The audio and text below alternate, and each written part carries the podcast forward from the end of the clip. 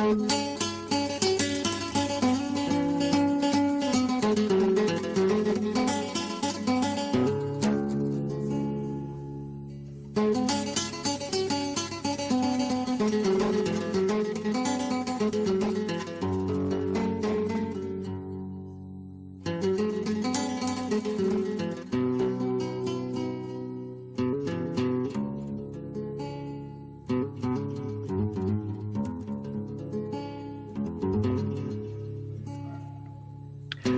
bismillahi raxmaan raxiim assalaamu calaykum waraxmatullaahi tacaala wabarakaatu dhammaantiinba dhegaystayaal ku soo dhowaada.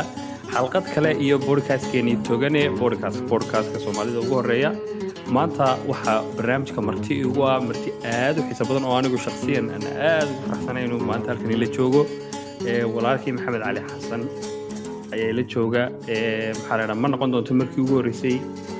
Maxaa la ydhaha boodhkaaska noocan oo kale aan idiin soo gudbino waxaan rajaynaynaa inaad ku xidhantaan. Haddii markii koowaad aad dhegeysatay boodhkaaska tahay ku soo dhowow togane waxaan rajaynaynaa inaad nagu seexnaato. Haddii kalood hore noola joogtayna mar labaad soo dhowow aragtiyo dhifa iyo maxaa la ydhaha shakhsiyaad xiise leh. Ayaa sidaad nooga barateen barnaamijka mar walba marti noogu noqon doona haddii rabbi xukmo. Marka waan iska gudagelanaa barnaamijkan gudagelanaa waxaan doonaya ugu horreyn inaan soo dhoweeyo. Siduu aniga maaragtay agteeda qof xiisa leh oo maxaa la ydhaha aragtidiisu ay muhiim tahay uu ileeyahay baan rajeynaya idinkuna inaad inaad maxaa la ydhaha u soo wada dhoweyn doontaan maxamed. Marka maxamed cali ku soo dhowo walaal barnaamijka togane podcast. Walaal aad baad ugu mahadsan tahay suhayb suweer iyo podcastya maxaa la yidhahdaa togane iyo casumaadda aadka u qurux badan oo anugu agteyda aan dareemayo weynaan weyn iyo sharaf iyo iyo karaamaba inaan barnaamijka maanta ka qayb galo waana rajeynaya in noqon doono barnaamij xiise badan si wanaagsan walaal aad baad umahadsan tahay ugu horreyn waxaan iska barnaamijka ku bilaaban doonaa in yaroo introductiona kolley waxaan rajeynayaa anigu si fiican ban dee uga bogtay oo maxaa ladhaha baaritaan badan aan sameeyey iyo aqoonta gaarka ee shakhsigan kuu leeyaba ay suuro gelinaysaa laakiin bal dadkaan garanayn in yar oo maxaragta adoo soo koobaya backgroundkaaga iyo maxamed cali wa-ayo kumuu yahay xaguu ku dhashay xaguu ku koray in yaroo kooban runtii magacayga waxa weeyaan maxamed cali cabdi xirsi qoyska magaca uu leeyahayna waxa weeyaan caan ku yahay xaraare runtii iminka waxaa ku noolahay sweden gaar ahaan waxaa ku noolahay meel la yidhaahdo linshopin oo caasimadda u jirta qiyaas ahaan labo anigu waxaan ku dhashay meel carabeed baan ku dhashay gaar ahaan waxaan ku dhashay waddanka la yidhaahdo yeman ayaan ku dhashay waxaan ka soo guuray wixii ka dambeeyay labada kun iyo lixdii. Halkan ba wax ka bartaa arday ka ahay culumta waxaan bartaa technologiyadda iminkana xaggan aan deegaan ku ahay muddooyinkii ugu dambeeyey si wanaagsan si wanaagsan. Maxaa la ydhaha waa horta wax aada u xiisale weeyaan maaragtay oo noloshaadii baaba maxaa la ydhaha ku soo bilaabantay dee waddamo kala duwan ilaa imika. Marka laga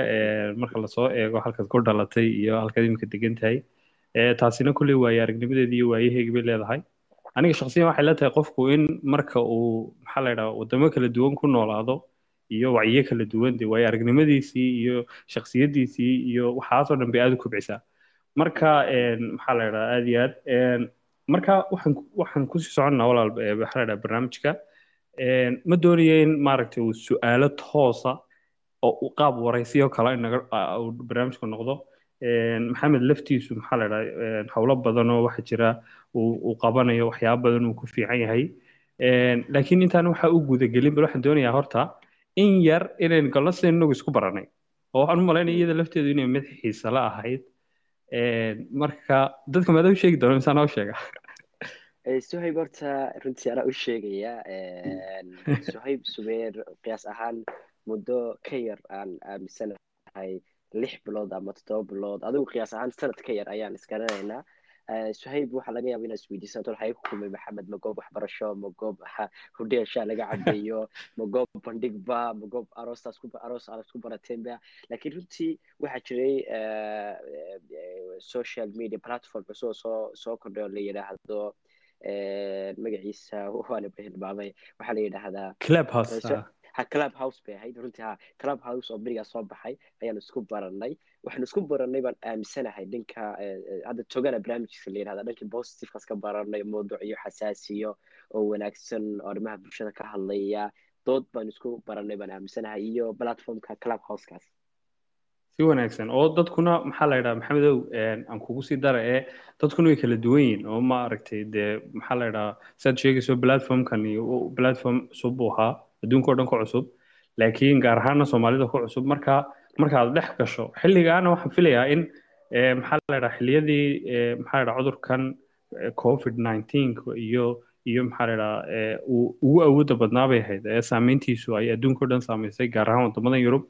Marka dadku inta badan maxaa la yidhahda waxaan waxaan filayaa xilliyadii dee guryaha lagu jiray ee quarantine quarantineka iyo waxa lagu jiray bay ahayd. Marka waxaan daneynayba in bal dadka iyo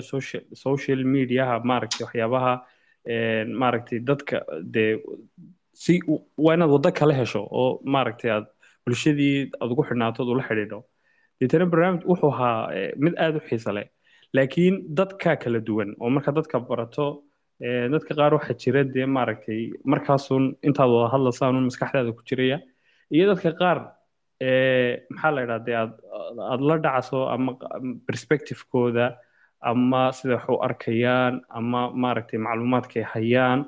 ad ad dee lexjecleynayso sodhanaysaba dee wadahadalkaas wuxuu fiicnaan lahaa in la record gareeyo ama la duubo marka adiguna shaksiyan dadkaasaad ka mid ahayd waxyaabo badan mawduucyo aada u kala duwan baa dee kolley laga hadlayo iminka halkan dib ugu soo wada celin kari mayno. Laakiin kolley dad qof dadka ka dhex muuqday oo maaragtay waxyaaba hadday waxyaabaha basic ah hadday noqoto qofku inuu ku dhegeysto maaragtay kaa sugo hadalladiisa maaragtay in waxyaabo ku dara dee maaragtay siday la tahay waxyaabo badanoo dee qofka aada ku soo jiidanaya ayaabaan maxamed ku arkay? Saasaan markaas ku baranay. Waxaan xasuustaa markaa isaga laftiisa wuxuu ka mid ahaa dadkii igu dhiirigeliyey maadaama barnaamijkani uu markaa aragti uun ahaa dadkii igu dhiirigeliyey in la bilaabo. Maxaa la idhaha marka taana aad baan kaaga mahad celinaya si wanaagsan ha marka walaal aan ku sii socno maxamedow marka intaa laga imaado maxaa la idhaha kolley adaa hadal ku watay waxa si cajiib ahayd. Si wanaagsan. Markaan ka soo tagno kulankaan isku baranay waxaan xasuustaa markaan iminka wadanka ku laabtay kolowayna ka wada hadli doonaayo. Markaan hargeysa tagay baan meel la fadhiisto hodheel oo summer time la yidhaahdo inta badan wada kulmaano baan rag baan isdhex fadhinay. Marka asxaabteedii de waa qof saaxiibka kula saaxiib kalena uu leeyahay oo bulshada ka mid a marka nin ka mid a wuxuu nin codkaaga waan garanaya. Saa ku yiri yahow ana codkaaga waan garanaya. Dhiig kumaad ahaydo markaasuu hebel hebel adnoo hebel hebel markaasuu nin waa ku gartay club house baa iska baranay. Waxaa ka mid ahaa runtii dadkaan madasha iska baranay club house iska baranay waxay noqotay inaan wada shaqayno howlo badan in caawa ka wada hadli doono uu qayb muhiim xataa ka ahaa barashadaas wanaagsanaa aynu isku baranay club house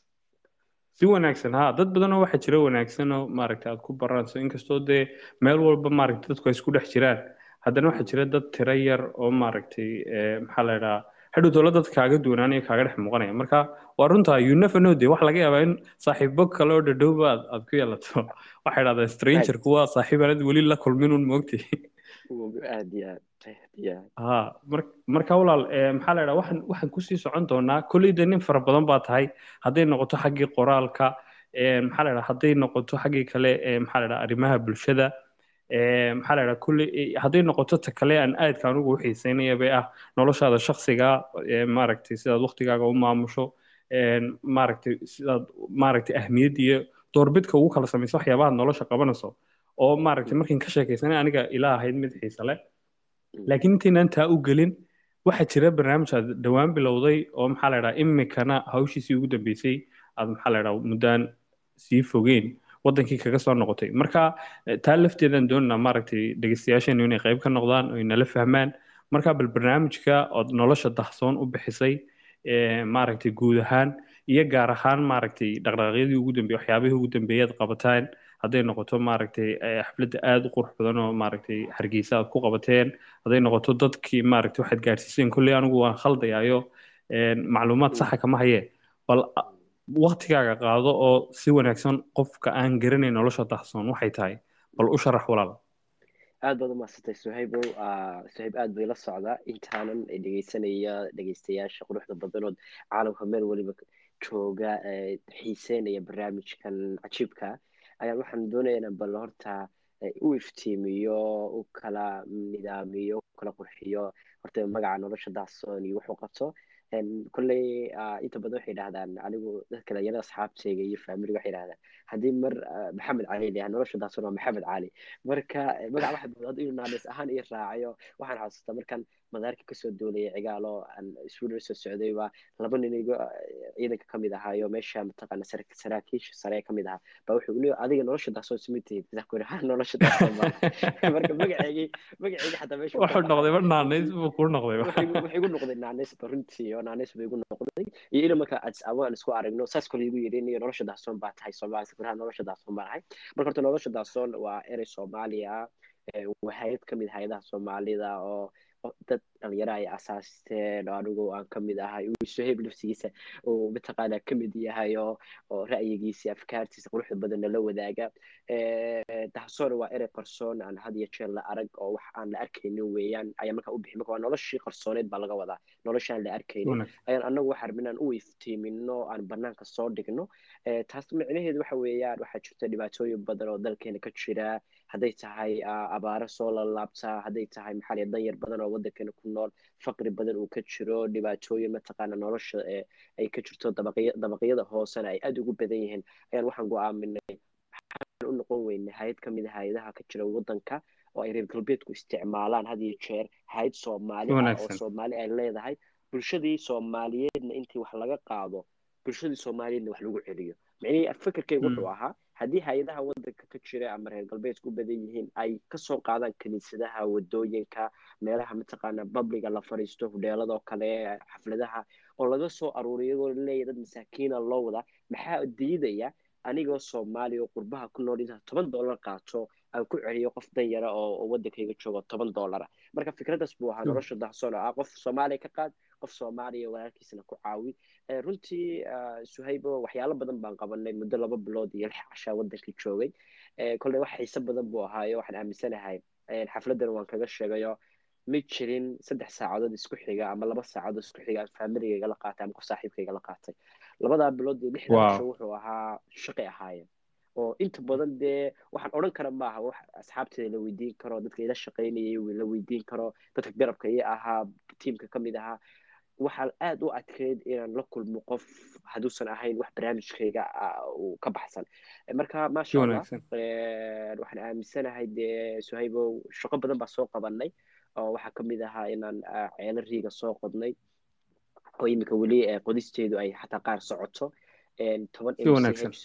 soo duwaan gelinay oo iyaduna kii ugu dambeeyey shalay la dhameeyeyba waxaa ka mid ah xamaam suuliyaal baa ka mid ah iyadana la wado waxaa ka mid ah toban qof oo danyara oo maalgashi ganacsi u sameynay anagu aan u sameynay. Dee waxaan ka fakernay maalin waliba hadda qof miskiina raashin siiso. Still tomorrow dan raashinkii buu u baahan laakiin qofka waxaa la rabaa inaan barno inuu isaga isku filaansho gaadho uu noqdo qof isaga isku filan dabadeed waxaan fakernay inaan tijaabo sameyno sanadkan marka labadan bilood waxaan sameynay toban ka mid a dadka danyarta ah hooyooyin ku jiro qof curyaan uu ku jiro inaan shaqa abuur u sameyno talentiga iy leeyihiin ama skillka iyaga leeyihiin xirfadda ay leeyihiinna aan idhaahno teebaad ku wanaagsan dabadeedna tii aan ganacsi ugu sameyno waa ku guuleysanay maasha allah toban qaa qofaa ka mid a waxaa intaas sii raacsana gobollada aan tegin oo dhan waxaan la kulmaynay dad aan lacaga lacaga siinaynay laba boqol oo dollar boqol konton dollar konton dollar oo magaaladaas aan ka soo dhex saaraynay dad aan weli dab shidan. Marka dadka aan la kulannay laba boqol iyo konton bay gaadhayeen labadaa boqol iyo kontonka aan kulannay waxa weye waa laba boqol iyo konton aan dab shidan. Xalay dab shidan doraad dab shidan shala dab shidan oo anagu dabka u shidnay. Waxaa kaloo intaas sii raacsanaa laba kun oo qoys ayaan caawinay. Tusaale waxaan ka caawinay bacooyinka roobka. Markaan qoysku odhanayo maahan hal qof waxa laga qoysku inay shan qof ama lix qof ka kooban waxaan ka caawinay bicihii roobka inay helaan. Waxaan ka caawinay inay caawino xasiig ama dirinsa loo yaqaan. Aan ka caawino bustayaasha ka caawino dad inaan haamaha biyaha lagu shubo aan mataqaana u iibino biyo u dhaamino waxaan tagnay waxyaala la yaab waxayd waxaan meelahan abaaraynay aan tegaynay waxaa ka jira biyo la'aan baahsan barnaamijkeena wuxuu saarayay biyaha biyahan xooga saarayna marka tusaale meelahan tegaynay waxaan xasuustaa tusaale duleedka magaalada hargeysa iyo magaalada laascaano duleedkeeda shan boqol oo qoys shan boqol oo qoys baan caawin kun qoys kunkaa qoys ma haysan biyo ay ay cabaan may maysan haysan. Waxaa intaa u dheeraa intaan biyaha shubaynay waxaana la weydiinaya walaal qaar baa qoysaska noo imaanaya. Maxamedow walaal haa biyaha hadda dadka u shubaysa anigu meesha biyo lagu shubay ma haysano micni haantii ama fuustii ma waa haysano runaa weelkii oo ama containerkii lagu shubi lahaa biyahaba ma haystaan. Ma- maba haysta waxa laga inay caagad yar wataan oo eh, laba qaadla ama saddex qaadla inay wataan. Dabadeed maxaan go'aaminay in dhaqaalaheen dib u eegno isla markii go'aan qaadano oo anagu aanan aan isla markiiba hasha weybin waxaa intaa sii dheera cajiibka ahayd barnaamijkeena waxaa laga yaabaa in lacagtii adigu aad dalxiiska ugu talagashay hotelka ugu talagashay safarkaaga shakhsiyeed ugu talagashay. Marka laga soo tago shaqada inaad inaad samafalkii bixino waxaan xasuustaa tiimkayga oo dhan nin lacag faa'iiday ma jirin laakiin qof lacag laga qaaday way dhacday tusaale ahaan waxaan xasuustaa nin dhalinyarada ka mid ah arrin baa nagu soo baxday dabadna wax guuri akoonkaaga imisa ku jira laba boqol oo dollar ka soo saar labada boqol oo dollar samafalkana ku dareenaa marka waxyaalaha cajiibka ahayd oo anaguna anaguna xataa jeebkeennii ilaa markaan magaalada tagno aan dib dad akoonadeena u eegno lacag u dalbano oo anigu aan sababta markaas waxaa kugu soo baxaya arrin aadan markaan eh, qadaro oo aadan de filanaynin baa kugu soo baxay tusaale hooya kugu soo baxaysa. Shantii boqol oo qoys baad caawisay. Qofka ugu dambeeya ku imaan wuxuu ku leeyahay walaa shantii boqol oo qof baad caawisay laakiin anigu biyo imaadan dhaamin. De biyihiina way dhammaatay. Dabadna waxay noqotay inaad biyo u iibiso. Marka wala shaqo intaa leeg baan qabanay runtii ah, cajiibka ahayd. Maasha allah maasha allah. Wallahi horta eh, maxaa la idhaha inkasta oo sababta keliyan maaragtay aan u jeclaysanayey maxaa la idhaha barnaamijkan inaan xilli hore duubno maaragtay eh, wax ka mid wixii oo dhan ba ku sii jira oo waxaan xasuustaa markaad saa u soo noqotay wallahi eh, maxaa la idhaha ayaa maxamed la xidhiidhay oo nidhi maxamedow goormaynu duubnaa boodcast episodekii aynu duubnaa waayo dee maskaxdaadii xusuusihii iyo maaragtay iyo waxyaaba waxyaabo yaryar oo laga yaabo markay muddo ka soo wareegto in maaragtay waxyaabaha la record gareeyey aan ahayn ayaa laga yaabaa in maaragtay oo aadana haddana aada u muhiima dee ayaa laga yaabaa maaragtay in inayna dadku jaanis u helin guud ahaana waxaad ka waramaysa oo dhan aad bu walaal u wanaagsan yihiin. Oo marka laga imaado shaqada fiican aad qabanaysaan adiyo tiimkaagu maxaa la dhaha waxay haddana waxay fikrad kaa siinaysaa perspective kaa siinaysaa maaragtay nolosha aynu ku noolnahay oo aad moodo mararka qaar inaynu ilownaba maaragtay nimcadeen ku jirno qofku maaragtay inuu caafimaad qabo inuu biyo haysto biyo cabo haysto biyo ku maydho haysto. Nacam nolosha aynu inagu xataa shakhsiyan ku noolnahay ayaa mararka qaar aad. markaad dee muddo ku noolaato maaragtay aad waxyaabaha dee een, aad aad aad dayalsanaysaa moogtay ood wax caadiya u arkaysaa deetana waa safarada noocaas oo kale ah ama maaragtay een, wa- em, memorieska noocaas oo kale ah. Ayaa adiga laftaadii ku xasuusinaya dee inaad inaad grateful noqoto oo aad wixii aad haysatay aad aad ku mahadnaqdo Een, walaal eh, waxaan doonayaa bal eh, waxyaabaha badan ee aad soo qabateen dee marka laga imaado tiimka kula shaqeynaya adiga maxaa la idhahdo wax imika biloobmay maaha. Intani fulinteedii weeyaan. Laakiin waxaan ka horreeyey waxaa ka horreeyey abaabul waxaa ka horreeyey qorsheyn waxaa ka horreeyey ma hadday lacag ururin noqoto hadday maaragtay abaabul noqoto hadday safarka laftiisa qorsheyn noqoto intee leeg bay kugu qaadatay in hawsha intaa leeg aad ka warantay si loo fuliyo. Intee leeg bay kugu qaadatay in maaragtay la organize gareeyo la abaabulo maaragtay ama lacag loo ururiyo ama ama maxaa la idhaha la ururiyo. Aad iyo aad suhayb wallahi waa su'aal aada u wanaagsan walaal jazaaka allah inaynu wada dareenno. Waa qayb ka a shucuurka iyo dareenka iyo damiirka qofka tan xigtana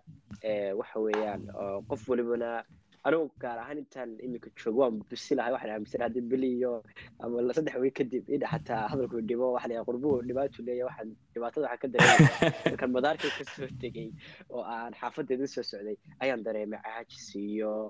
inay hawo qaldan soo gashayo raggii asxaabtii aan waqtigii la qaadan jirayo qaaciga yaraan tegi jirayo gaadhigii yaraa masaajidka yaraa iyo micnihii cajiib hawadii macaaneed aan ku jirayo cidna warqad lagu soo dirayo shaqa xagga ku sugayo waxbarashaa ku sugaya waxaad moodaa inaa soo gala meel ciriiriyo ilaa iminka kuu sheegaya kula hadlayaayo anoo dhan caajisii waxaa dareemayaa iyo hooya maanta war hooyo waxa weeyaan sidan xal maa hooyo wallahi alcadiim aniga waxbarashada sanadka haddaan dhammeeyo sanadku xigta anu toos baan iskaga guuraya xataa shaqa la'aan anaa shaqa raadsanaya ku idhi War- Horta- way more bar labada lifestyle baa aad u kala duwano waddanka haddaad joogto more productive aad noqonaysaa ma fahantay especially markaad waxyaaba arrin ha arrimaha bul waxyaabaha qof wax soo saar laad noqonaysaa markaad weliba ka shaqaynaysa waxyaabaha qaar maaragtay sanoo kale de arrimaha bulshada ee shaqo toos aan ahayn shaqada tooska waxaan u malaynayaa in waddanka halkan ay isku mid taho qofna dee shaqadiisa tooska ma jecla. Je- dadku shaqada dadku iska dhibsadaan. Qofka hadduu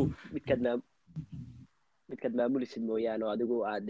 aad aad janaadaysa marka walaal haddaad su'aashaad u soo laabto cajiibka ahayd aad weydiisay ibisahaad ku soo waxa laga yaaba dadka inaysan qaadanayn laakiin suhayb uu qaadan karaa wuu ogyahay sababta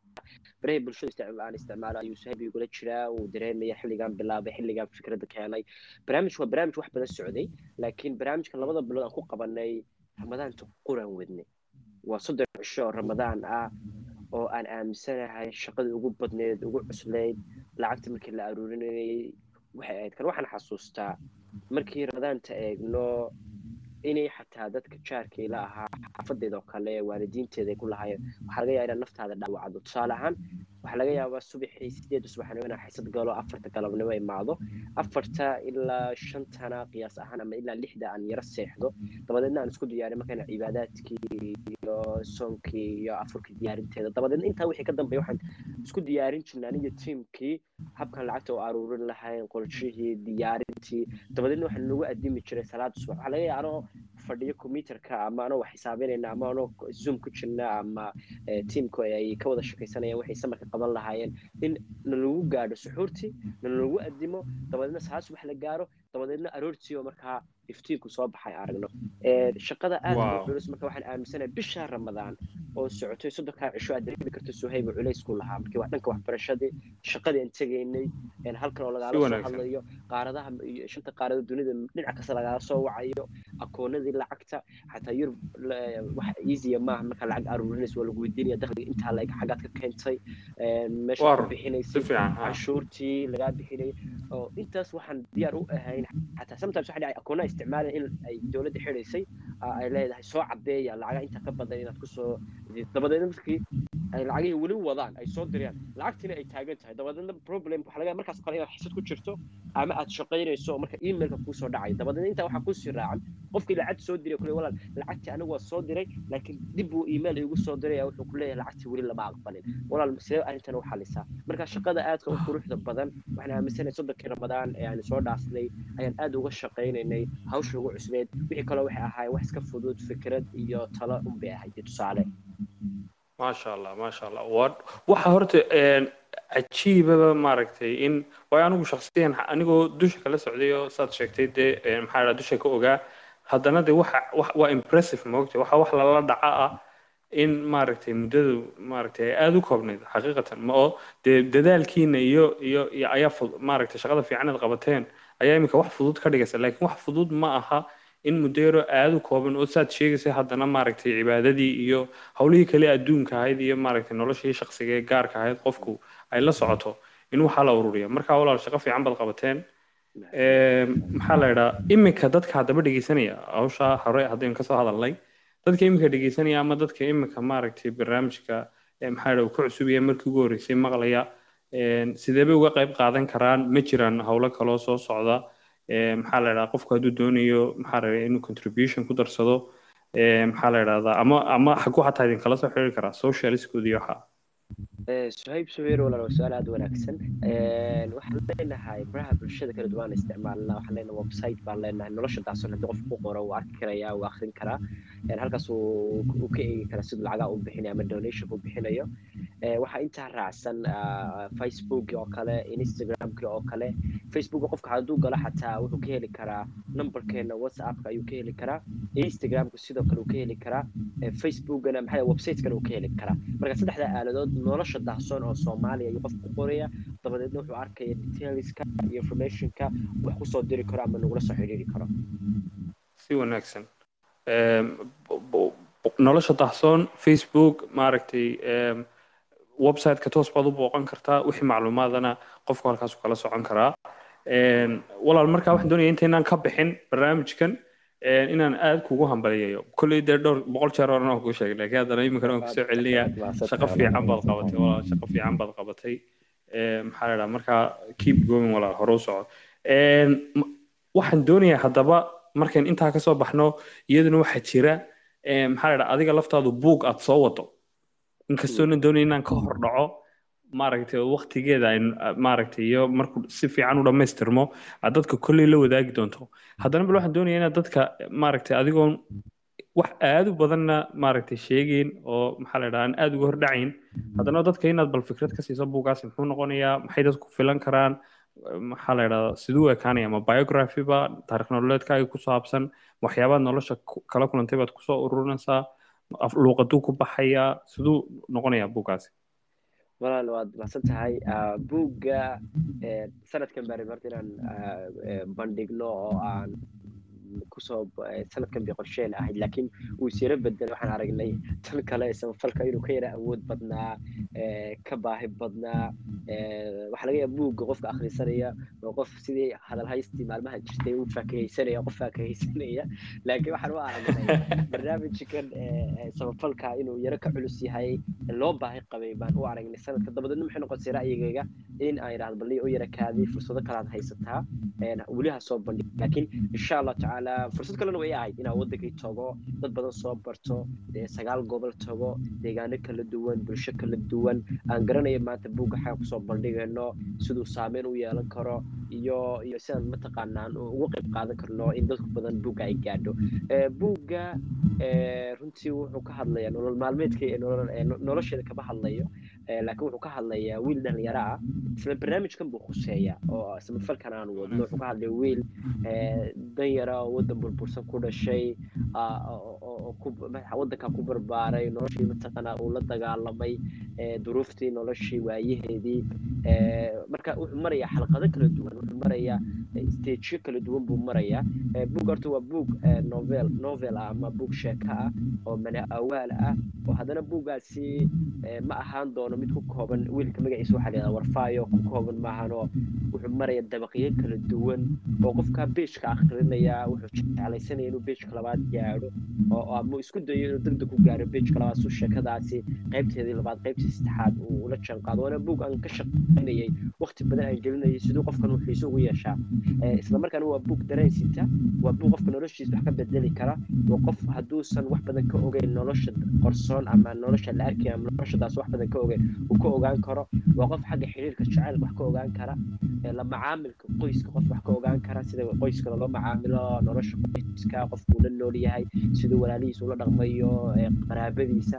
qofka siduu asxaabtiisa ula janqaadi karo. Buuga marka beej kale ka eegto ama daaqada kale ka eegto daaqad ganacsiga haddaad aragtid dhinacii ganacsigu ka hadlaya oo wiilkan ganacsigu furan doona dabadna habuu ganacsiga wiilkan u kobciyey iyo siduu marxaladaha kala duwan u maray. Buuggan wuxuu ka hadlayaa dhiirigelinta gabdhaha lagu dhiirigelinaya waxbarashada. Yani waa buug aan aaminsanayn qofku markuu akriyo dabaqad kasta ama daaqad kasta oo nolosha ka mid a uu ka akhrisan karaa. Waxyaabo badan buu soo koobaya iminka dabaqyadaad xustay mawduucyadaad xustay. Laga yaaba inay buugga cutubyo u noqdaan. Waxaa ka mid a dee maaragtay ganacsiga waxaad xustay sidoo kale arrimaha xiis jacaylka oo aan u malaynayo maaragtay dhegeystayaal badan inay dhalinyara iyago laftooda inay aada u xiiseynayaan marka ha horta inuu bug taasaaba fiican dee waa runa bug hadduu novel iyo malaawaal yahay. Qofki waxay fursad u siinaysaa qoraaga in maaragtay uu dee malaawaal khayaalkiisii cabiro ma fahantay oo sheekadu markay inta badan sheeko dhab oo dhacday tahay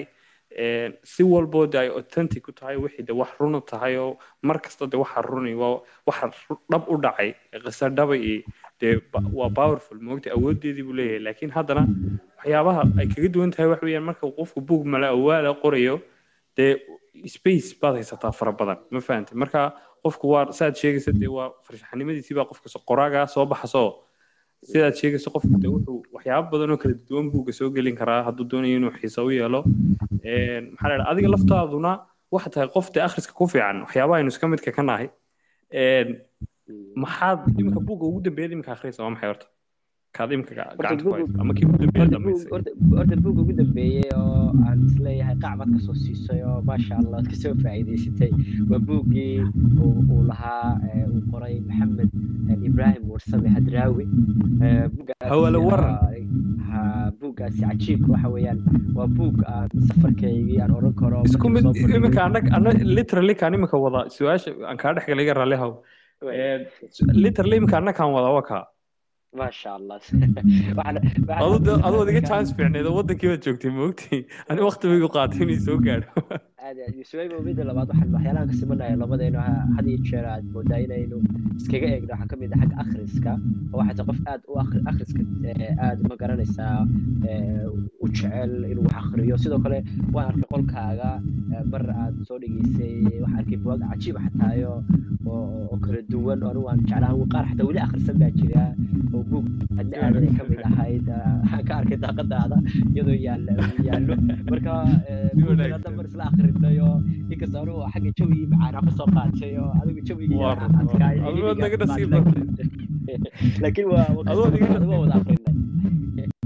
adiga nasiib badan taho waxaad jaanis u heshay waddankii inaad tagto maxaa dhahta bugaagtuna waa run walaal aad bay muhiim u tahay anigu maxamedow markii aan yaraa maxaa la dhaha intaan aan ka yaraa maxaa la dhaha qof waxbarashada ku fiican baan ahaa oo yaanan haddana qof akhris ku fiican maan ahayn maogtay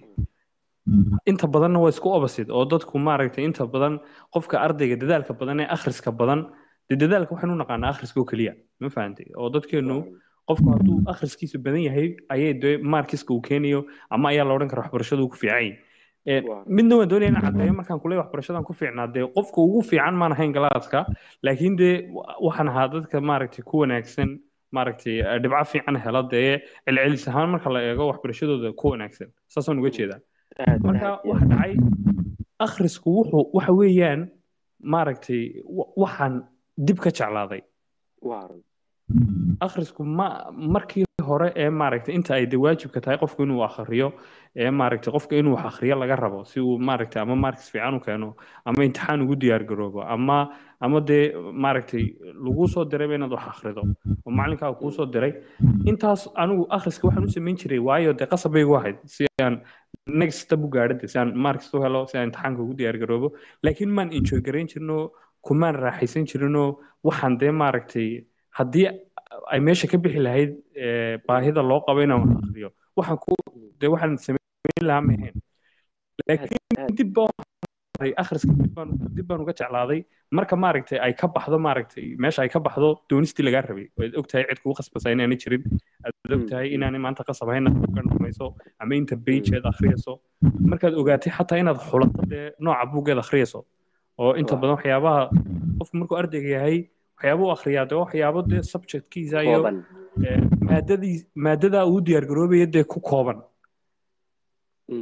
laakiin markii dambe waxaan jaanis u helay in dee mawduucyo kaloo aan aan danaynayo aan xiisaynayo inaan akhriyo bugaagtoodii maaragtay oo jacaylku ka mid yahay oo maaragtay ay entrepreneurship iyo qofku siduu maaragtay ganacsigiisa gaarka u samaysan kara ay ka mid tahay ay ka mid tahay maaragtay waxyaabaha dee maxaa la idhahdaa caafimaadka maskaxda iyo siduu muhiimka u yahay mawduucyo markaa aan daneynaya dee oo kala duwan ayaan bugaagtoodii jaanis u helay ma fahantay oo halkana ururna waxyaabaha ku fiican uu ku fiican yahay qofku jaaniska u helay waxaa ka mid ah dee accesskii baa jira inkastoo waddankiiba imika access fiican jiro oo buugshabay jiraan laakiin haddana imika online baad dee wax kasta ku dalban kartaa halkan oo three four days laba cisho saddex cisho kadib uu kula joogaa buugii kula jooga su'aal lay weydiiyey oo dhalinyaro wax akhrista ama dhalinyarada wax akhristay weydiiyey waxaa ka mid ahaa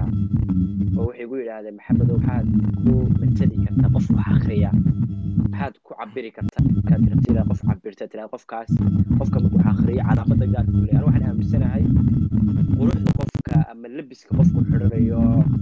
waa akhriska. Waxaa la yidhaahdaa qofkan inuu nuuro oo uu catar ismarsado barfuun marsado oo isqurxiyo dharka badan qaato saasoo kale la dhigan yahay qofku wax akhriya waa qof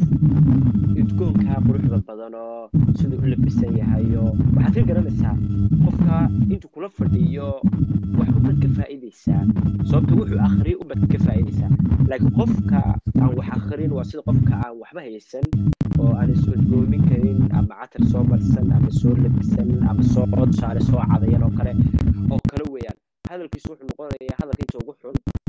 hadalkiisu wuxuu noqonayaa hadal qof kale ka soo kaxeeyey hadalku wuxuu noqonayaa hadalka mataqaana qallafsan deelqaaf ah. Hadduu hadalkiisa inta ugu macaanaa wuxuu laga yaaba inuu ten percent wado laakiin ninety percent wuxuu noqonayaa qof ma garanaysaayo qof kale daba socda. Marka runtii aan waxaan odhanayaa sayb waxaan ku jirnaa dadkana aan kula talinaya dhegaystayaashu ay ka mid yihiin. In waxaan keliya qurux badan nahay ama labiskeenu yahay waa akhriska. Qof kastaad ugu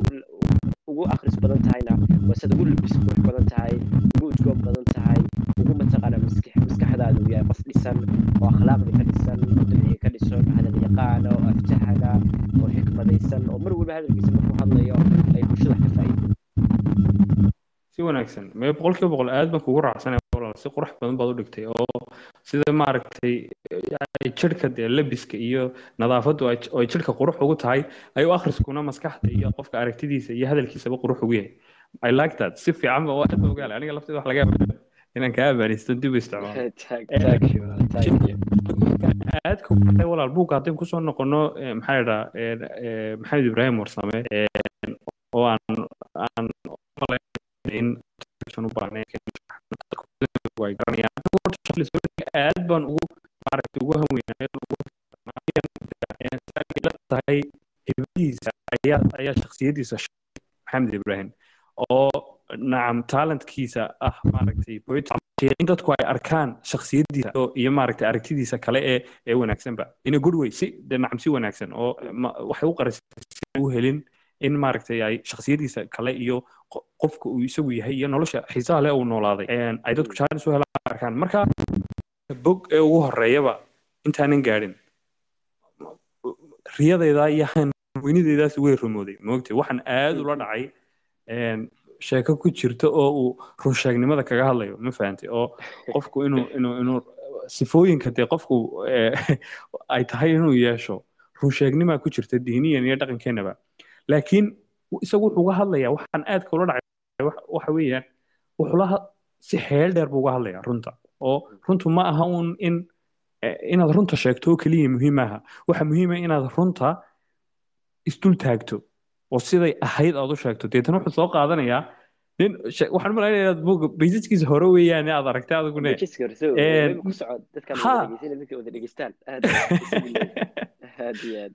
wuxuu ka warramayaa marka nin ma- runsheegnimada caan ku ahaa bulshadiisa iyo dadku ku dhex nool yahay oo dadkeenu de waan iska imtixaan la yidhi bal aynu aynu tijaabino ninkan aynu imtixaano ma fahantay deetana waxaa loo diyaariyey serab baa loo sameeyo maaragtay wadadii uu- meeshii marinkiisa ahayd wadadii uu soo marayey baa wax loogu neef baa lagu xidhay dibi baa lagu xidhay neef lo a lagu xidhay dad baa meesha markaa la tubay oo dee maaragtay is- isa soo wada taagay oo ku soo ururay deetana dabna waa lagu shiday deetana ninkii de aroortii isagoo maalintiisii caadiga ahayd watuu soo ag marayaa deetana markaasu wuxuu arkayaa de hawshan meesha ka socota. Dan kamuu gelina de isagu hawshiisa ma ahayn uu iska soo soconaya. Marka ile waa wax loo diyaariyey markuu dadkii dhex imaadaa la weydiinaya la odhanayaa. Bal ka waran maanta meesha waxa la yidhi meesha allabari baa ka jiray meeshaad soo martay marka de inuu isagu conclusion kaa gaadhana wuu diidayaa oo waxa meesha ka jira inuu allabari ahaa ma hubo. Laakiin way u eg tahay de oo adigaba haddii lagu sheego lagu dhaa meesha dab baa ka jiran neefna uu ku xidhan yahay. Waxaad soconaysaa kolleyda waxbaa lagu qalqalayay aad iyo aad aad iyo marka waxaan aad uga helay wuxuu ku odhanayaa anu niyo meeshaan soo meeshaan soo maray dibina wuu xidhnaa Mm, dadna wuu tubnaa dabna wuu shidhnaa. Marka exactly wuxuu wuxuu arkay unbuu sheegaya wuxuu diidayaa wuxuu ka cudur daaranayaa inuu waxna ku daro ama maskaxdiisu wixii ay u sawirtay ee uu u arkayey maaragtay waxa meesha ka jira inuu isagu sawiro. Marka waxaan ka Mm. bartay dee runta inaad sheegtaa waa muhiim oo tan anigu shakhsiyan ku dadaali jiray taasay ahayd. Laakiin waxay soo baxday in shaqo badan ii taalo oo dul istaag oo- loo baahan yahay in runta la dul istaago wadankeen markaad tagto kolley waa dhowr jano hore waad u tagtay dee waad tagi doontaayo inta badan waxaa aad loo jecel yahay in hadalka aad loo badiyo oo runta lagala laabto oo bahasha musuqun uu aad ugu badan yahay oo dee samafal baa ka shaqeeyayo dee ee, lacagaha lagu weydiinayo kan baa lagaa doonaya waxa laga yaaba bil yaroo ee, laba dollar ama saddex three dollars ama four dollars in lagu yidhahdo waa ten dollars iyadoo shantaa dollar la shaxaadayo ama odayaal ah, ay doonayaan deegaanka wax ugu qabanayso inay waddo dheer. Marka dabadeedna hadalkayga hal jeer aad buu caddaa. Marka nin saaxiibkay aan doonay iminka inaan xuso ee, ayaa gaaray la baxay. Marka isaga laftii reer sweden baan isla ahay. Marka kole way maqli doonaa. Ee, waxaan doonay inaan magaciisa sheegaan aan doonayn sababta fasax kamaan qaado. Dabadna wuxuu igu yidhi si wanaagsan waa fahmi karaa la baxay baa wuxuu igu yidhi ee, maxamedow ka daa niyo hadalkaaga cad iyo niyo ka waa lagaa naxayaa ama ma fiicna saa inaga daa buu yidhi hadalka yara macaan iyo milix yar tudhaalo samee u tudh bal wax yar samee waxa ku iri waxa ku iri dhegeysta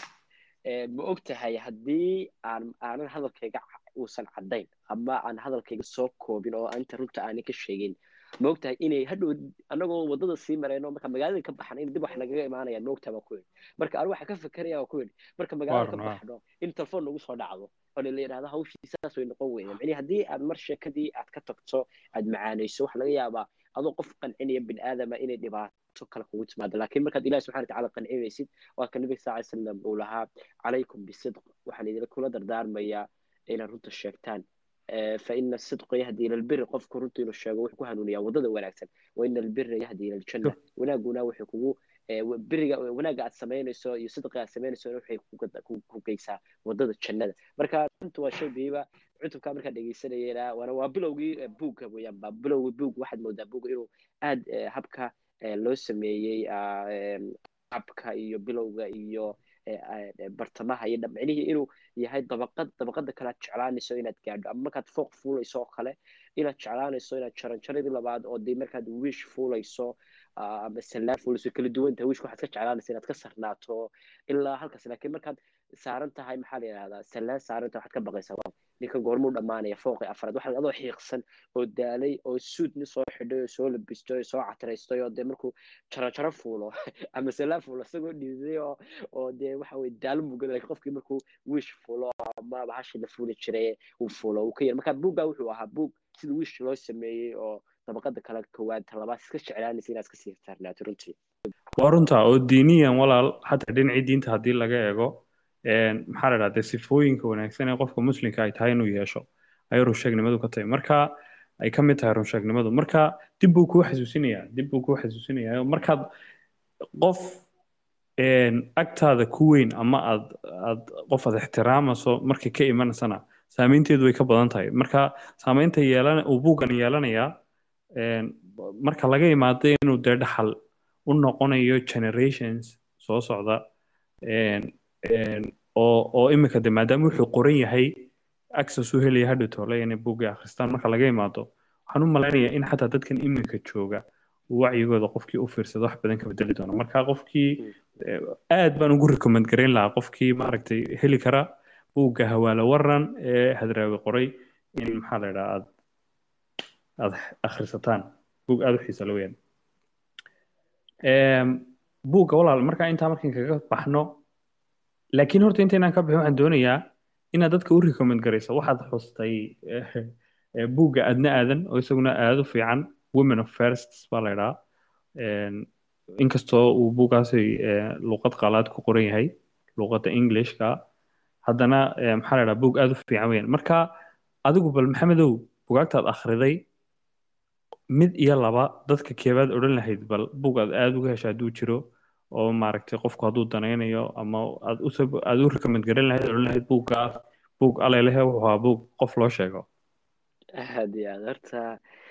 de buwaag badan baan akhriyay runtii oo maanta ka horan maayo ko iyo laba laakiin waxay ku xidhan tahay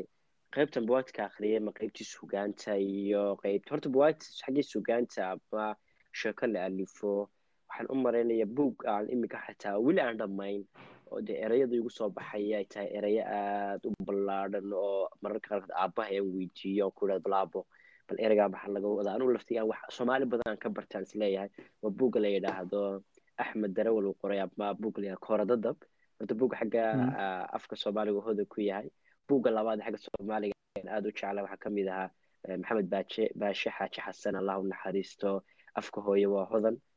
Buuggaasna aada buu ii xiise geliyay runtii oo buug cajiiba uu ahaa. Waxaa kaloo xaggii sugaanta. Xaggii kale horta inta badan subayro waxaan aada ugu ugu ugu ugu badnaa. Aan akrinayay luqadaha afka galaad oo buwaagtoodii waxaad mudda inaan yara xoogga saaraya muddooyinka ugu dambeeyey laakiin anigoo buwaagta kale akrisanaya way jiraan buwaag aada u badan oo iminka dadaa idhahdo ko iyo laba waxaan u malaynayaa waa run waa run. maya lagama geyonayo lagama geyonayo laakiin runtii buwaag xiiso badan bay wada ahaayeen. Buwaagtii aan wada akhriyey boqolkiiba boqol walaal. Maya horta intaas waxaan doonaya inta maskaxdaada ku jirta waa runtaa dee waxaa laga yaabaa. Qaar badan oo wanaagsan oo iminka aadan xasuusanayn baynay jiraan. Marka waxaa jira buug taariikhi oo aada soomaalida uga hadlaya la yidhaahdo somali modern history oo nin cadaan Okay. ayaa xataa jiray bug aad u xiiso badan taariikhda soomaalidu ka hadlayay intii ka horreysay lixdankii waxaa jira bug xaggii taariikhda abdulxabash bug la yidhaahdo oo madaxweynaha jabuuti uu isagu dhaqaalihii u bixiyey lagu yidhi buga research badan baa la soo sameeyey bugaas xataa bug wuxuu ahaa aad u cajiiba taariikhdiisa axmed guri allah u naxariistay taariikhdii bug waxaa jira xagga taariikhda ka akhristay adal empire-ku ka mid ahaa soomaalida macnihi bugaag aad u taa. Marka dhinaca kasta markaan eego bugaag waxaa jira top ten aan u bixiyo aad u sarreeyey inkastoo iminka hilmaamay laakiin maasha allah bugaagta aad bay u ahaayeen kuwa xiiso badan. Aad iyo aad boqol kiiba boqol. Me aad baad umahadsan tahay walaal. Waxaan rajeynayaa dadkuna intay bugaagta ay heli karaan ee ay ay ka heleen inay inay in iyaguna laftooda koobiyadooda soo qaataan. Why not? Um, marka intaa waxaynu kaga nimidnay maxaa la waxyaabihii shakhsiga ahayd qabanaysay ugu dambeeyey imika oo ay aada ugu muhiimsanayd taa nolosha daxsoon barnaamijka nolosha daxsoon. Waxa sidoo kale iyo buuggaaga laftiisa buugga laftiisana wayn ka hadalnay. Inkastoo maaragtay aan doonaya aan ka cudur daaranayo maaragtay inaan ka hor dhaco oo kolley madalo kale oo qurux badan baynu u samayn doonaa isagana. Laakiin waxaan doonayaa imika bal in qeybta noloshada gaarka ee shakhsiga walaal maxaa la dhahaa inkasta oo ee, dee privacygu aada muhiim u yahay laakiin inta bal aad dadka la wadaagi karto anigu shakhsiyan waxaan kuu arkayaa qof maaragtay intaan ka bartay noloshiisu nidaamsan tahay. Markaan leeyahay nidaamsan tahayna waxaan ka wadaa qof maamulo maalintiisu say u oo maalintiisu ay u qorshaysan tahay garanayo beritol wuxuu qabanayo maalinta ka dambeysa wuxuu qabanayo waxa ugu yar imika daban ka xusi kara waa markaynu qorsheynanay ee, episodekan xalqadan xilligan duubana oo dee taa lafteedaynu ka ayaynu ka wada tashanay. Xilligay kugu habboon tahay adiga xilligay anigana igu habboon tahay een, maxaa la dhahaa xilligee labadeenaba firaaqe ay noo noqonaysa marka structurekaasaa muhiima. Qofku inuu noloshiisa qaabeeyo waxa muhiim u ah. Qof dadkeena dhalinyarta ah maxaa la dhahaa ina dhegeysanaysa iyo qofku haddaanu dhalinyar ahaynba bal waxaan doonayaa walaal inaad bal wixii aad la wadaagi karto muhiimadda ay leedahay. Ee, anigu shakhsiyan waxaan aad uga helay. Ee, maxamedow dadkii waxaan ahaan jiray berigii hore dadka dhiirigelinta suga. Nacam raadiya. motivationka motivationka raadiya. Ma fahantay anigu waxaan productive ahay. Anigu waxaan productive ahay. Waxay dhiirigelinaya markaan helo. Tusaale ahaan markaan eh, wa- waxaan qabanaya ama waa inuu waxaan jeclahay noqdo ama ama he- haystaa qof maaragtay dhiirigelinaya oo ehela ama saaxiib dhowa ama adu qof noloshayda ku jiro oo dhiirigelinaya waa inaan haystaa waa inaan haystaa waxyaabaha ku dhiirigelinaya maaha dadoo keliya waxay noqon karaan xataa waxyaabaha shakiga oo kale like hadduu qofku yaro cariyo qof igu dhaa maaragtay uu shaki geliyo awoodda aanu leeyahay inaan wax qaban karo kale xataa taasi way dhiirigelisaa waxaa dhaa waxaad u malaynaysaa inaan qaban karin? Waxa ahaa sug Ee, alaa doono inaan qabte marka dhiirigelintaan sugi jiray dhiirigelintuna si kastoy u fiican tahay waa boost of mind de waa wax maaragtay maskaxdaadii mar keliya awood qeyr dabiiciya ku siinaya. Laakiin haddana ee, de mar walba kuma tiirsanaan kartid dhiirigelinta oo waxaa jira mararka qaar ee, mararka qaar aad unmotivated tahay de oo aanad maaragtay ama aad caajis yara dareemayso ama marka haddii motivation keliya aad ku tiirsan tahay joogto ma noqonayso marka iminka aad waxaan la dhacsanaya aragtida disciplineka ma fahantay inuu qofku qorshe yeesho nidaam yeesho wax kuu qorshaysan ay jiraan oo maalin kasta ay tahay inaad samayso. Haddaad motivated tahay haddii kaleba marka taa iyo dhiirigelintii markaad isku darsato ayaa dee eh, maaragtay maalintaadii ay productive noqonaysaa. Markuu maalintaadii dee productive noqotana sanadkaagii baa productive noqonaya. Hadhow toolna dee goalskaagii iyo waxyaabihii aad nolosha hamiyadii aad lahayd bay kuu dhaweynaysaa marka walla adigana waan ogayay in qaar waxyaaba badan oo saasoo kale ay jiraan maxaa ma kaa caawiya noloshaada sideed u maamusha waktigaaga ee nala wadaag? Wallahi horta walaal aad baad mahadsan tahay waxaad mooday intaad hadlaysay waa inaa wax badan kaa faa'iido wax ka soo dhex saartay be barnaamijkan waxaad moodaa barnaamij lakala faa'iidaysanayo aysan dhinac u badnay xataa dadkana dhegeysanaya aad iyo aad anu saan doonaya inuu noq- inuu inuu noqdo sida haa dadka ruux xataa Wada sheekaysi xataa qalbigooda qalbigooda waxay aad u jeclaan lahaa inay barnaamijka ku sabiiraan oo ay hadal ka dhibtaan laakiin waan rajeynaya in marmar albaabada u dheer furo mustaqbalka aad iyo aad. Een, mustaqbalka. Xaggii walaal laba arrin baa isdul saaran xaggii nidaamka nolosha iyo cidda ku dhiirigelisaa Eh, runtii nidaameynta waxaan aad uga shaqeynaya muddo saddex sa- saddex sano inaan barto sida wax loo nidaameeyo oo aad igu adkaata marxalad adag aan kula kulmay oo ilaa hadda la yidhahdo ninkaas waali buu soo wadaayo malaha maalmaha dhimirka xaaladiis okay maaha. Waxyaalaha nidaameynta markaad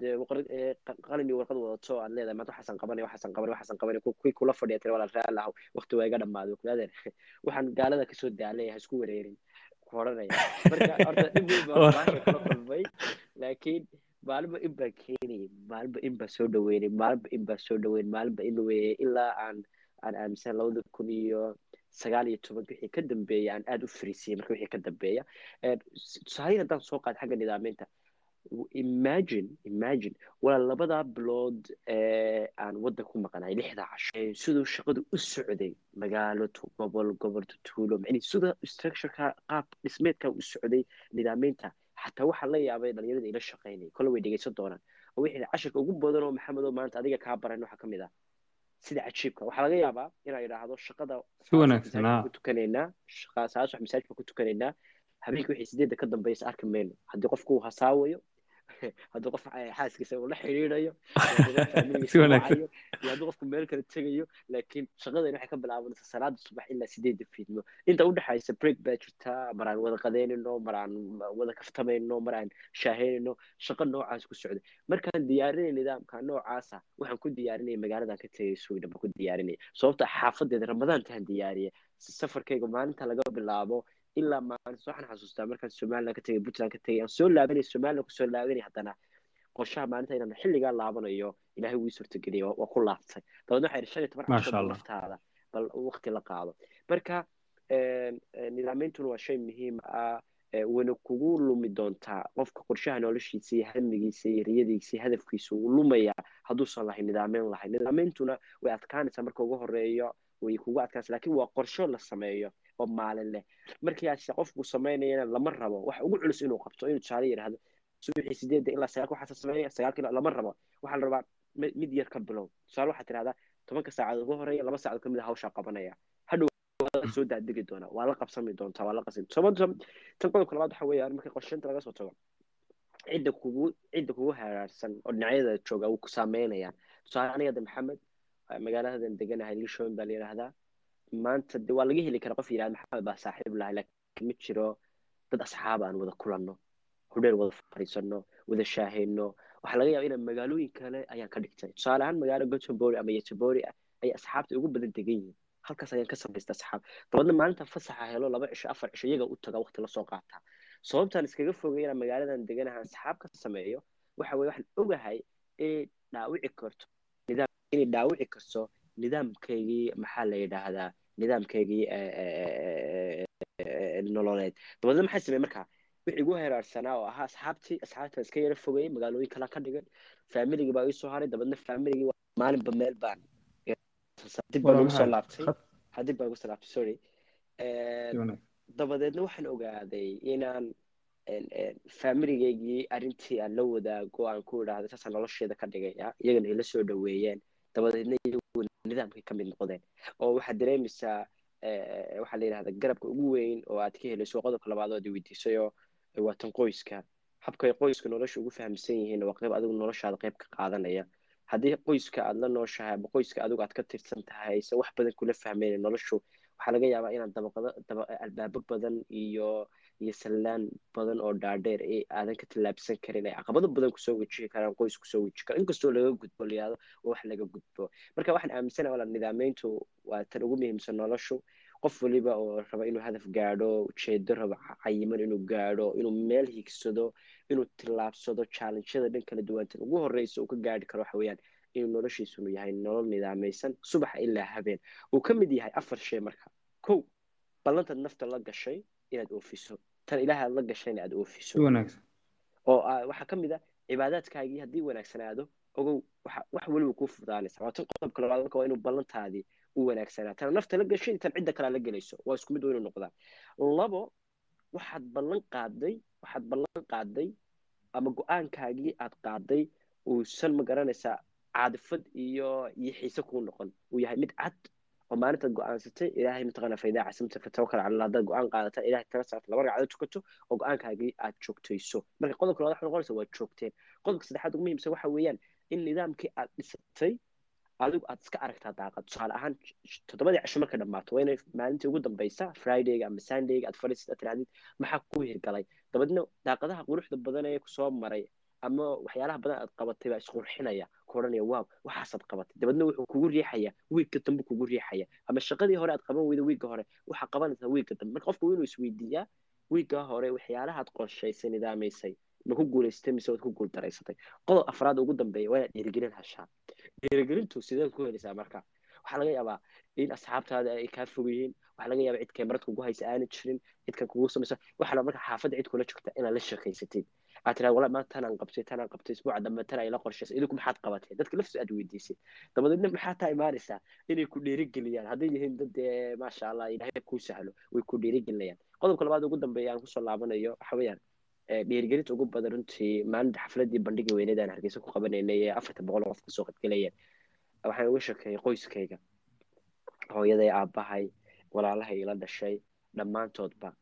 dhiirigelin weyn bay ahaayeen oo runtii aan dareemayo aabbahay ula soo xiriiriyey maxamed hawsha ay ku maraya maanta maxaad qabatay ma jirto waxaan kaa caawiyo wax dhaqaalaan kuga caawiyo ma u tahay maxaa kuu hagaagay? Maxaan family hooyo ku soo wacis haye maxamed ka waran haddana gabdhihii walaalahayga sidoo kale wiilashii. Micnihii waxaan u malaynaya dhiirigelinta ninety percent waxaan ka helaa qoyskayga ka helaa. Qoyskuna waa sababtan ku leeyahay waxay ka qayb qaadanayaan isidaadii noloshaada taasna waxaa lagu abuuraa adiga habkaad ula dhaqantay markii hore tusaale ahaan haddii adigu aad tahay mucjiso guriga jooga dee.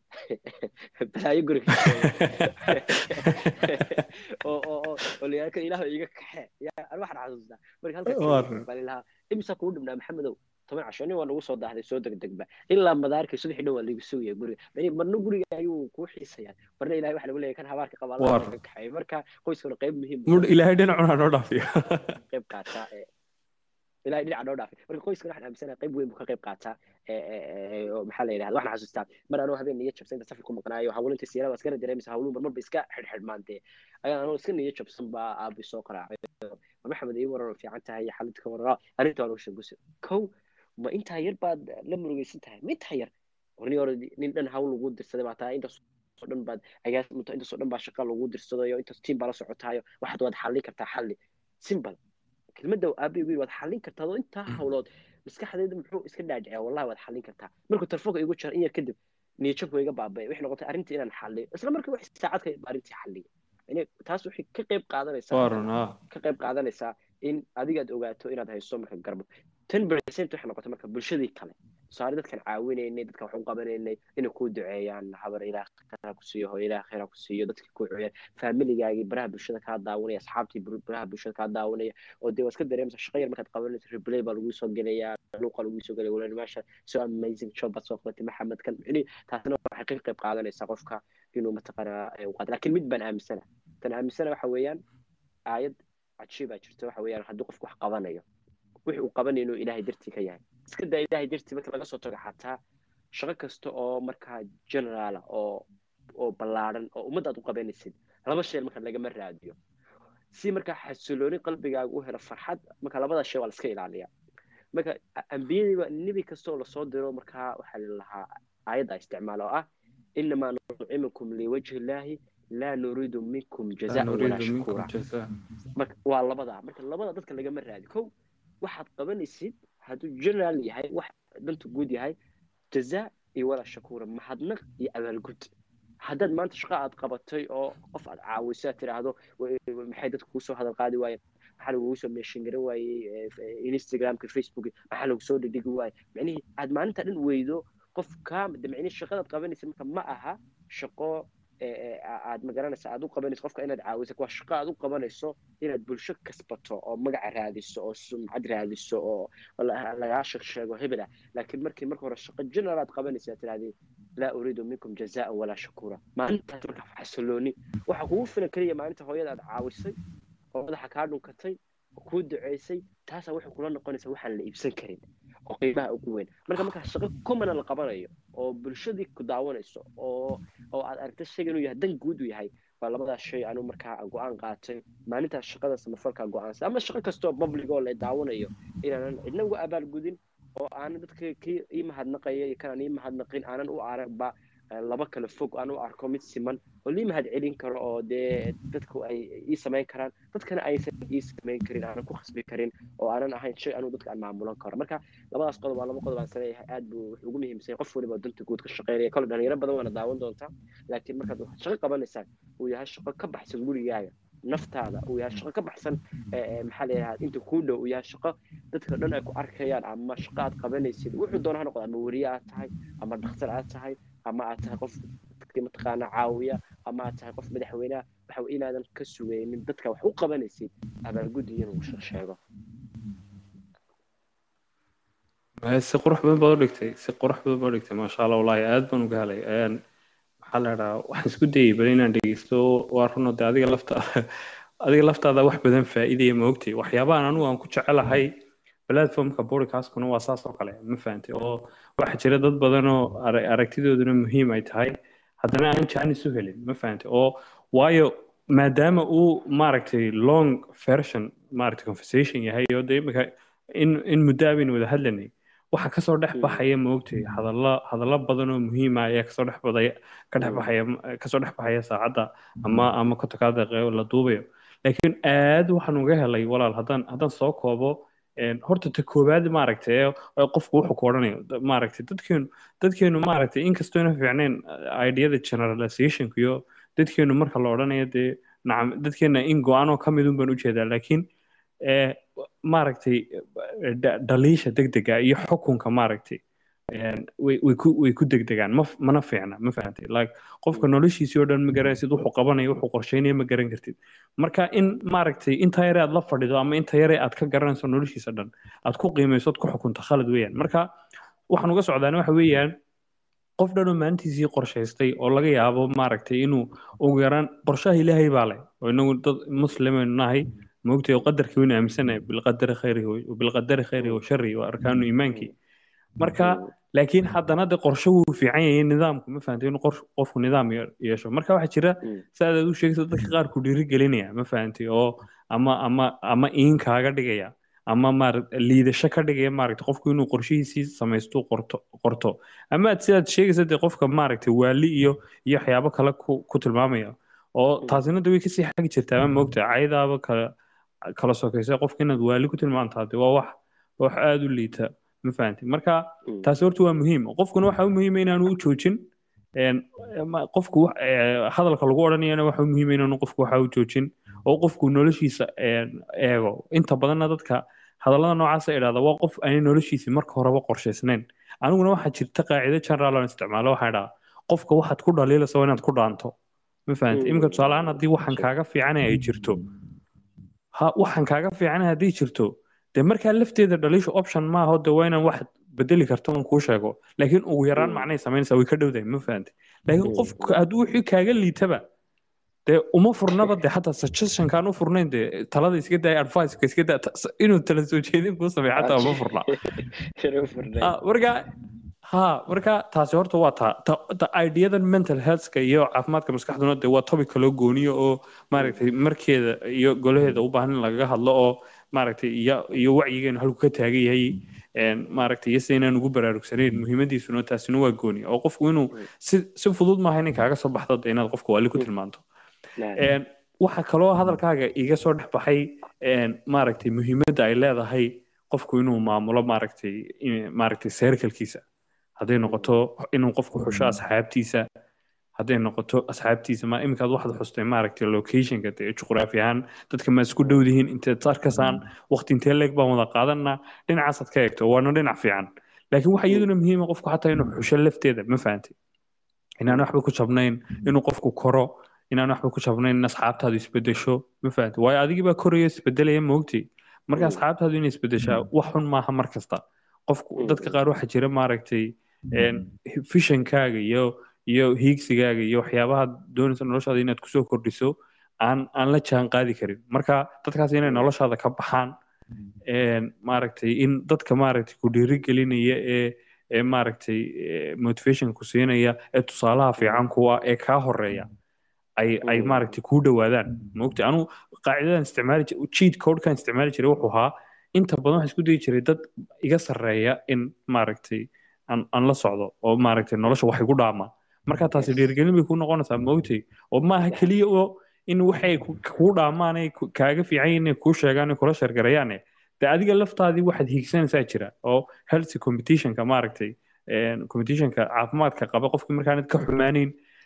horumarkiisa ee laakiin aad doonaysa uun si maaragtay inuu tusaale kuu noqdo aad isagana sidoo kale halku gaadhi iyo meel ka sarreysa aad gaadho. Taasina aad buu fiicanta qofku inuu seerkarkiisa ilaaliyo. Xidhiirka iyo ehelkuna aad buu muhiim yahay ma fahanta xidhiirka ehelku haddii waalidka noqoto maasha allah iminka ilaahda ku barakeeyo maaragta waalidkaaga hadalkaaga waxaan ka dhex arkayaa inay noloshaada aada ugu jiraan. Waana siday tahay in waalidkiyo iyo dhalinyartu ay asxaab noqdaan saaxiib dhow noqdaan oo maaragtay intaad la wadaagi lahayd qof kaleo kaa fog oo maaragtay aanad ku kalsoonaynba aad qorshayaashaada la wadaagi lahayd. Waxa fiican qofku hadduu isku eheli karo qof ehela haddana saaxiib wax ka wanaagsan ma jirto. Waa nimcad ilaahay loogu mahadnaqo qof. Qof haddaad waalidkaaga kala kala baqeen qorshayaashaada oo aad la wadaagi karto ood u sheegi karto kow horta waxay markhaati ka tahay waxaad qorsheynaysaa inay wax fiican yihiin. Waayo qofna wax xun hadduu qorsheynayo waalidkiisa uma sheegi kara dee qof odhanaya ma jiro waalidkiisa intuu tago wax xun baan dee soo samaynaya ma fahantay marka kow horta waxay kaaga markhaati kacaysaa waxaad samaynaysaa inay wax fiican tahay. Ta labaadna waxa weeyaan in waalidka laftiisu maaragtay uu waxaad u fududaynaysaa waalidka gudashadii waalidnimada that makes sense. nacam waalidku shaqadii u taalay ahayd maaragtay barbaarinta iyo iyo mas'uuliyaddii adiga kaa saarnayd baad u fududaynaysaa markuu xiriirkiini wanaagsan yahay marka si wanaagsan baad u soo khulaasaysa walaal si aad u qurux badan baad ayaad ayaad u dhigtay xaqiiqatan waxa iyaduna dee dhalinyar baa leeyahay oo maaragtay maaragtay waxaan doonayaa qodobka dhalinyarnimada qofkii dee wuxuu su'aal aada u xiisa lahayd baa jirtay oo maaragtay inaga lafteenu isweydiinay oo maalmihii hore ee maaragtay platformkii aynu xagga hore ku xusnay aynu ku jirnay. Dee dadku ujeedooyin kala duwan bay u soo galaan. Dadka qaar waxaa jira entertainment u soo galay. Dadka qaar waxaa jira dee in information u soo doontay macluumaad iyo inay inay wax ka faa'iidaan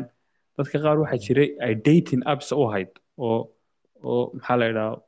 dee lamaanayaal inay ka samaystaan mise inay inay dad la haasaabaan meesha u soo galay. Marka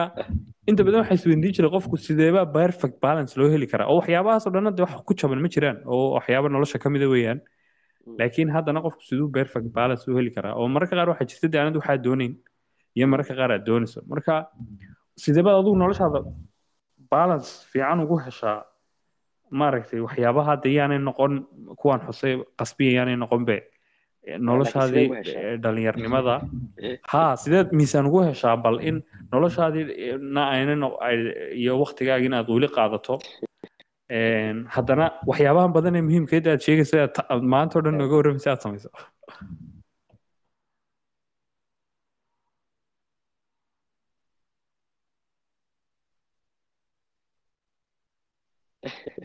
walahi maaa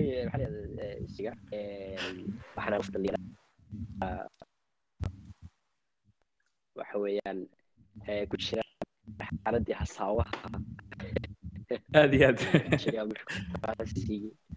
ku jiray marxaladii lebis inuu insha allah maxaa la idhaahdaa de iska jiray si wanaagsan ka mid yahay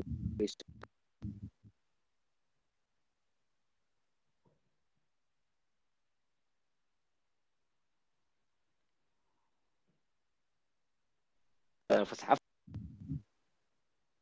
bilood baan maray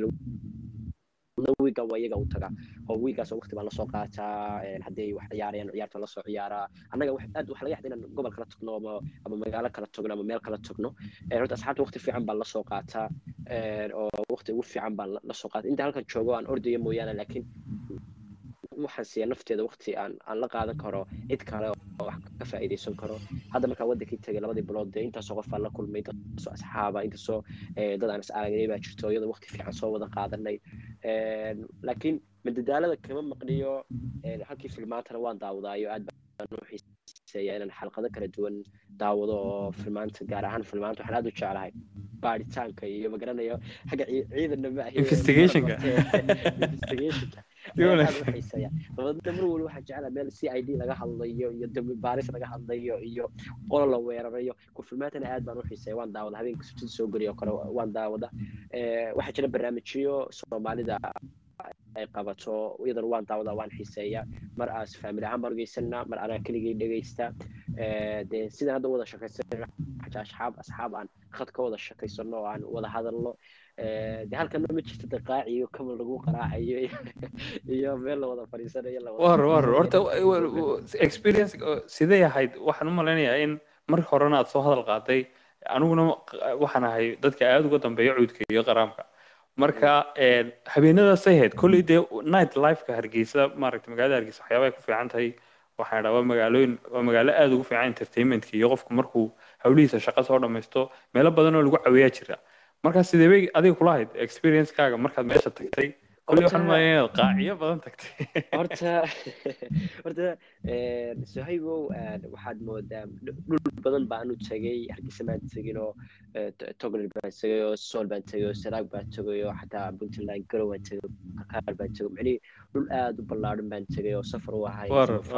inkastoo samafalkeenu ku baahsana ilaa geyiga soomaalida ilaa gobolka gado oo kale hadeer shaqada ka socoto oo maanta hawshiisa la waday meelahaan laga dhisay macnihii shaqadeenu waxaa shaqo badan. Waxaan aaminsanahay qaaciga aada iskumaan badnayn oo fursadeediiba aada u yaraa laakiin asxaabteedii mar waliba aan la xidhiidho meel ay joogan waqti ku soo qaadanayeen bay ahaayeen waxaan aaminsanahay laba jeer baan qiyaasayaa ama saddex jeer ayaan tegay runtii. De iminka horta inkastoo shaygii isbedelay oo muusikadii iyo wax hore loo sameeyo dib loo daaro lagu luqeeyo afka un ay inta badan jirta. Laakiin meelaha qaaciga ah runtii heese hore aan aada u jeclaan jiray oo aan dhegeysan jiray ama aan ka dhegeysan jiray aabahay ama meelaha ayaan helay runtii soo dhegeystay oo aan dhegeystay inkastoo aan ku badnayn laakiin laba habeen way jirto kala duwana aan halkaa tegay soo dhegeystay runtii qaacigii soo dhegeystay hiddo dhowr baan u malaynay haddaanan sahar halgan maxaa la yidhahdaa meesheeda haddaanan qaldanay waa tegey. Inkastoo asxaab igu marti qaadeen oo asxaabta u tegey. Marka laakiin waxay ahayd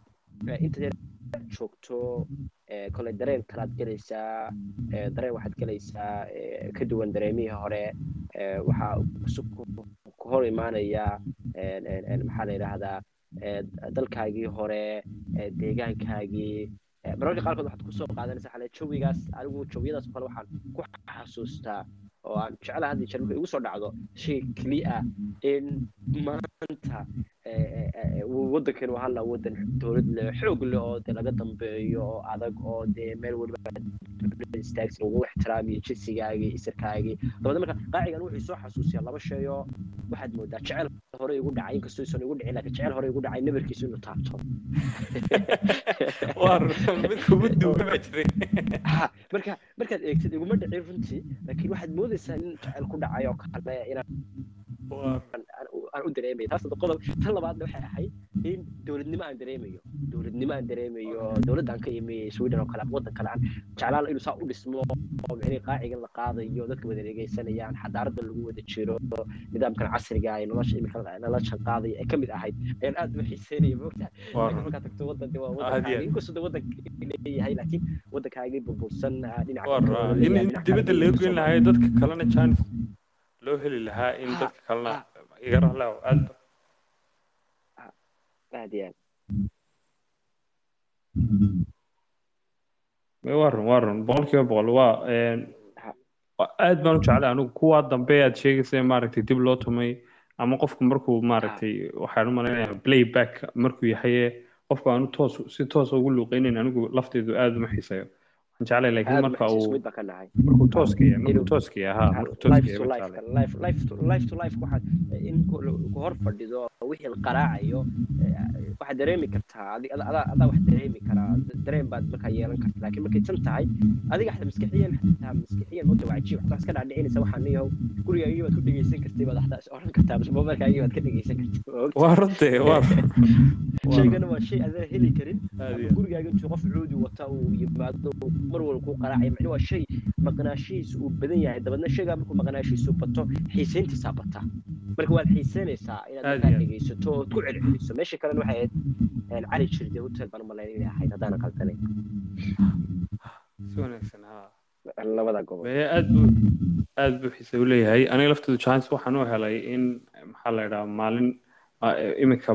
bishan aan ku guda jirno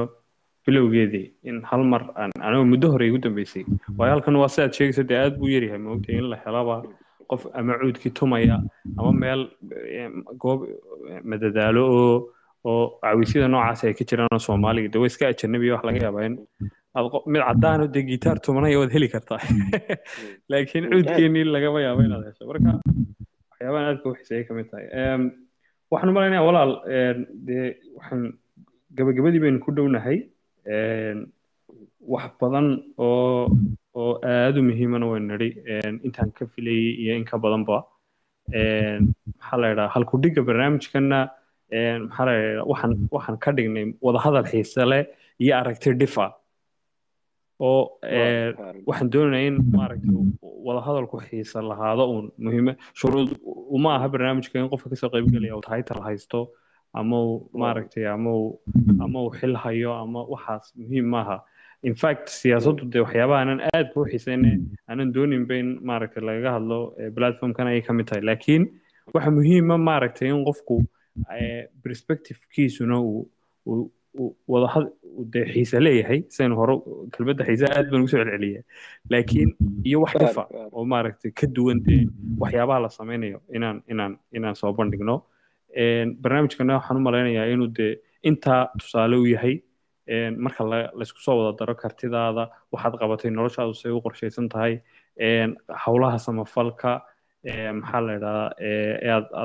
aad qabatay iyo kuwa badan ee soo socda aad qaban doonto. Waana aada ugu rajo weynahay anigu inay iminka intani bilowgii un tahay waxyaaba badan oo ee, intan ka weyn iyo mashaariic intan ka ballaaran baad qaban doonto mustaqbalka hadduu ilaahay idhaahdo maaragtay guud ahaan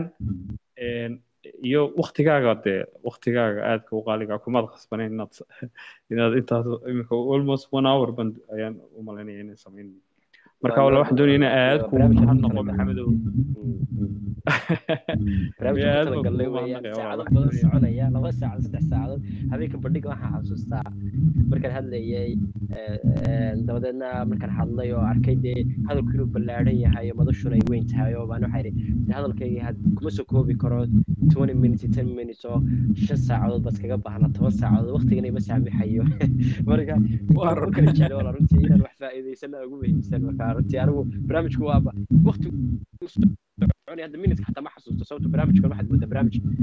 aad ugu xiiso badan oo barnaamij la wada shaqaysanayo barnaamij la wada kaftamayo dhinac kasta marka laga eego hadda dhinacii jaceylka waa yala taabana jaceylkii fankii xaggii diintii xaggii maxaa la yidhahda bulshadii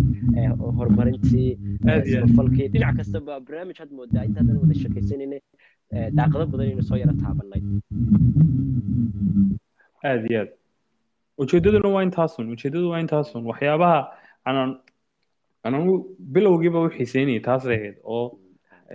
marna anigu horta ismaan lahayn waa adiga laftaada record garin doona duubi doona laakiin marka hore ideada waxaan la dhacay in maxaa la dhahaa waktiga saan kuu sheegayo oo dadku markay wakti badan wada hadlaan waxa ka soo baxaya moogtahay daqiiqado dee muhiima ma fahanta oo hadalka dulucdiisa iyo ujeedadiisa ay ku jirto. Ama nugeel maaragtay oo qofku